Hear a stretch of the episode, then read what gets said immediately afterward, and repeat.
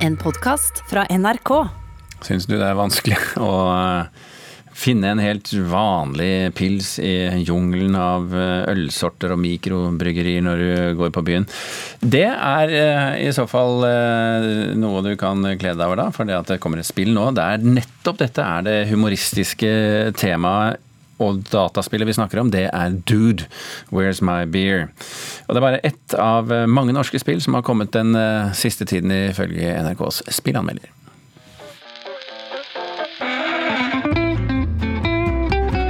Tenk deg at du kommer til Oslo etter ei lang reise. Historien begynner at det kommer en person til Oslo med en buss. Og eneste han trenger akkurat etter den lange turen, er å kjøpe en pils. Men det å finne ei helt vanlig pils er ikke bare bare når en får valget mellom IPA, APA, Porter, Stout og ja, flere hundre øltyper. Og slik er det òg i det nye dataspillet som Arik Surabian har utvikla. Og her må en gjennom denne jungelen av øl og oppgaver for å skaffe seg ei helt vanlig pils. I en av barene i Oslo her så er det quiz. Dude, Where Is My Bear er et skråblikk på mikrobryggerikulturen med 90-tallsinspirasjon og masse Oslo-referanser. Jeg er jo egentlig ganske glad i alle mulige rare øl. Men jeg har en del venner som savner å gå på en, på en bar og bestille en pils uten å få altfor mange oppfølgingsspørsmål. Spelet har han utvikla sammen med en costaricansk illustratør, Edo Brenes. Og musikken er laga av norske David Børke.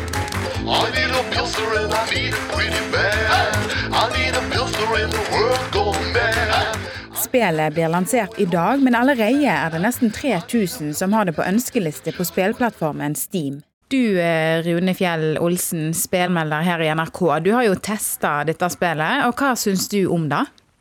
Nei, Det er jo et spill som sånn, i utgangspunktet kom litt fra ingenting. Um, jeg visste ikke helt hva jeg skulle forvente, uh, men uh, overraskende nok var det utrolig morsomt uh, spill. Og med sånn genuin humor.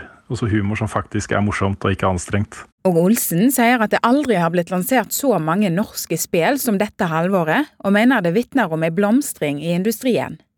Og faktisk ser han også at i motsetning til de fleste andre kultursektorer, kan spillindustrien ha fått en oppsving etter koronapandemien. Det man merka allerede i mars, da verden stengte ned, var jo hvor viktige spill ble i livene til folk. Så sånn sett så, eh, så du en del positiv utvikling på salgstall og sånne ting. Og på sikt så tenker jeg nok at mange nok nå har fått øynene opp for hvor viktig og bra spillmedie er, da. Så mm, det er litt fælt å si det, men uh, denne perioden her har nok vært ganske positiv for uh, spillmediet, altså. Tror du det kan være ekskluderende med alle disse Oslo-referansene? Kanskje litt. Den er veldig sånn spissa mot Oslo, men jeg tror hvis du bor i en større by, så vil du kunne kjenne deg igjen i ting her. Og så kan det også være litt eksotisk, faktisk, at uh, dette foregår i Norge, i Oslo, med veldig mange norske referanser eh, i utlandet. Man ser jo at, uh, at, det norrøne og det norske og det nordiske er litt i vinden om dagen. Så, så jeg tenker at at det fort kan bli et pluss for eh, spillet, ja, faktisk. Neste brett er faktisk Youngstorget. Hvordan finner en denne pilsen, da? Det kan jeg nesten ikke avsløre. Nei. Men, eh, ja, og det er ikke sikkert han finner en pils. Men det får du se når du spiller. Reporter Ida Yasin eh, Andersen. Med sine to første bøker om Henrik den 8. og England på 1500-tallet mener mange at britiske Hilary Mantle har omdefinert den historiske romanen. Som aller første kvinne vant hun også den prestisjetunge Booker-prisen for begge bøkene. Nå foreligger den tredje boken i trilogien på norsk. Den heter Speilet og lyset og er en koloss på over 8 800 sider om årene fra 1536 til 1540. Totalt så snakker vi altså om tusenvis av sider om Henrik den 8. og konen hans og alt mulig annet. Og litteraturkritiker i NRK, Marta Norheim, du har jo lest alt sammen. Har du fått nok av Henrik den 8. nå? Ja, Samla sett så er det vel nok om Henrik den 8. når, en teller med eh, TV-serier og filmer og alt som er. Men eh, det er alltid plass til eh, de skikkelig gode. Og ja, Hillary Mantel er i en klasse for seg. På hvilken måte? Eh, flere måter. Altså, hun ser jo her på eh, han som står bak, eller ved sida, eller på bakrommet, eller ved skafottet, nemlig eh, Thomas Cromwell, som er en mektig mann, oppkomling, nest etter kongen. Og Hilary Mantel hun følger han like tett som han følger kongen, og vi får ta del i hans tanker. Og dette er en mann av få ord, men med mange tanker, og vi får begge deler. Eh, og da ser du ikke bare liksom, denne spennende personen og denne fargerike kongen, men du ser maktspillet og alt som, eh, alt som ligger eh, rundt eh, det. Um, men du ser jo også kongen gjennom et prisme, for kongen er jo ikke alt Altså, hvem styrer hvem her? Eh, men eh, Cromwell prøver å styre en litt impulsiv konge.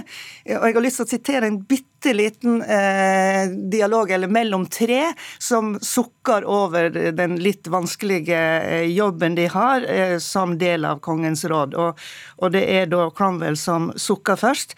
Vi spiller sjakk i mørket på et bord av gelé med brikker av smør.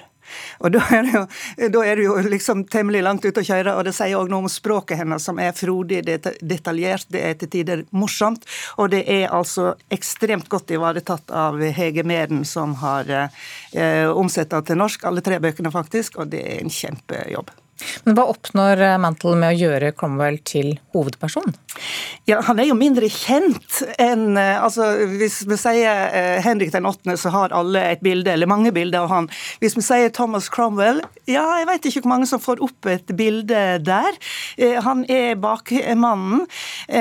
Og, og, det at han er den som styrer det hele, altså hvordan skal du få ei dronning til skal fått det rent praktisk, eller hvordan skal du sette en fiende ut av spill, det er alt det han driver med. Og da kommer du mye tettere både på praktikalitetene og på hele dette eh, maktspillet, dette sjakkspillet. Og han har jo lest sin Machiavelli, altså fyrsten, dette med hvordan du skal forvalte makta. Men fra historiebøkene så vet vi at Cromwell falt i unåde, ble henrettet. Er det med? Ja, altså boka begynner faktisk med at Anne Boleyn blir henretta, og der er han regissør. Det ender med at eh, han sjøl blir henretta. Um, og uh, det jeg kunne ønska meg, var egentlig mer av hans fall. Fordi at han er så utrolig høyt oppe. Han er en oppkomling Fadernes med. Han stiger så ekstremt høyt, og da er jo fallet selvsagt desto uh, større.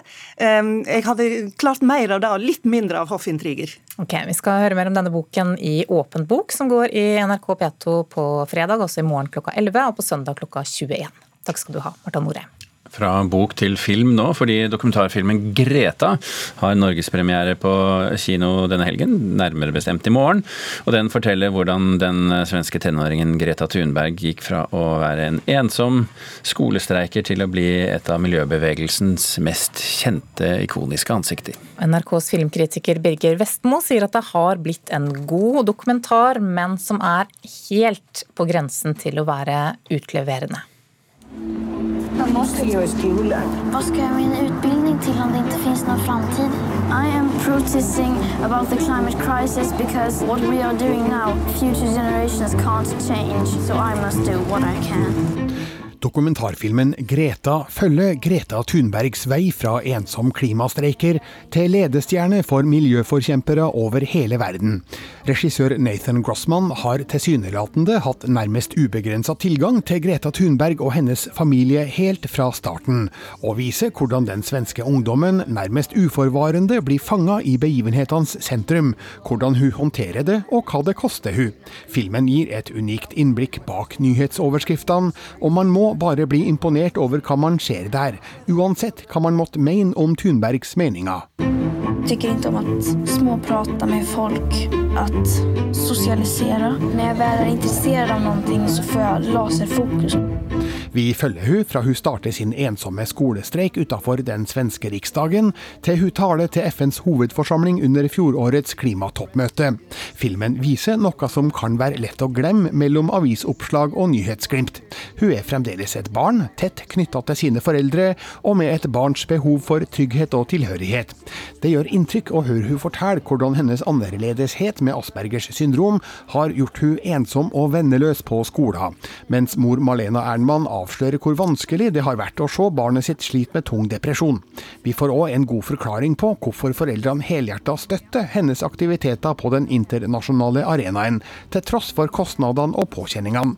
Miljøkampen har nemlig hjulpet Greta ut av skallet, og fått mange av de Aspergers-relaterte problemene til å forsvinne. Greta, you know Greta? Greta intresserer seg ut av klimatet og har blivit riktigt livrädd av alla lögner som samhället matar henne. Fuck Greta! Filmen gir òg plass til nedlatende meningsmotstandere, som f.eks. Putin, Trump og Bolsonaro, tre av verdens desidert mektigste menn. Derfor gjør det inntrykk å se 16-åringen bryte sammen i seilbåten på det frådende Atlanterhavet, der hun innrømmer at alt presset, ansvaret og forventningene er for mye for hun. Dette er bare ett av flere overraskende nære øyeblikk i denne gode dokumentaren.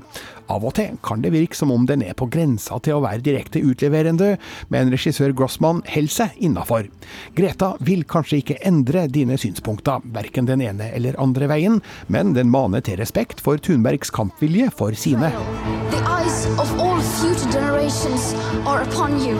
And if you choose to fail us, I say we will never forgive you. Terningkast fem. Filmen Greta ble anmeldt av vår kritiker Birger Vestmo. Den har altså premiere i morgen, og du kan lese flere anmeldelser på nrk.no anmeldelser. Jeg har jo vært døden nær mange ganger, og det er jo en form for sakte sjølmord, egentlig. Mens nå, det siste året, så har jeg tenkt sånn Uff, jeg må bli friskere, for fanken, tenk om jeg dør? Jeg har jo så masse jeg skal gjøre med de bildene mine. Dette er utdrag fra dokumentarfilmen 'Selvportrett', som følger kunstfotograf Lene Marie Fossens liv med anoreksi, frem til hun da faktisk dør i 2019. Kulturreporter Heder Ørbekk Eliassen, hva er grunnen til at du har tatt med dette klippet nå? Jo, 'Selvportrett' er en av tre langfilmer som den norske Oscar-komiteen har tatt ut som mulige kandidater for å representere Norge i konkurranse om Oscar for beste internasjonal film. Og det er nettopp fordi hvert land kan innstille én film til kategorien beste internasjonal film. Så da har vi to filmer til? Ja, vi har to filmer til. Den andre filmen er 'Håp', så vi kan høre et utdrag fra den. Så hvor lang tid har jeg igjen? Tre måneder. Kan man gifte seg innen operasjon? Hva skal vi si til barnet? Ingenting. Jeg pleier å si at man skal gi barn 10% mer ja, Selvportrett eh, handler om anoreksi, håp handler om kreft. Ja, det er en film som handler om hvordan tak man takler en høytid når man har fått beskjed om at man bare har tre måneder igjen å leve. Og det er da skuespiller Andrea Brein Hovig som har hovedrollen i denne filmen. Men hun har også en stor rolle i den tredje filmen som er tatt ut, nemlig Disko. Med, Disko, hvilken film var det igjen? Det er en spillefilm der vi møter en jente som strever mentalt. Og i det frikirkelige miljøet der hun da tilhører, så er svaret på problemene å venne seg til Jesus.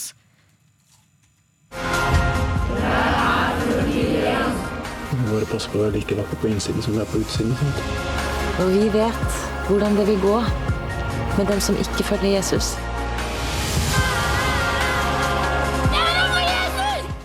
Ja, så Dette her er da de tre filmene som er tatt ut, og det er neste uke de skal avgjøre hvilken film som blir kandidat. Anoreksi, kreft og eh, mentale problemer.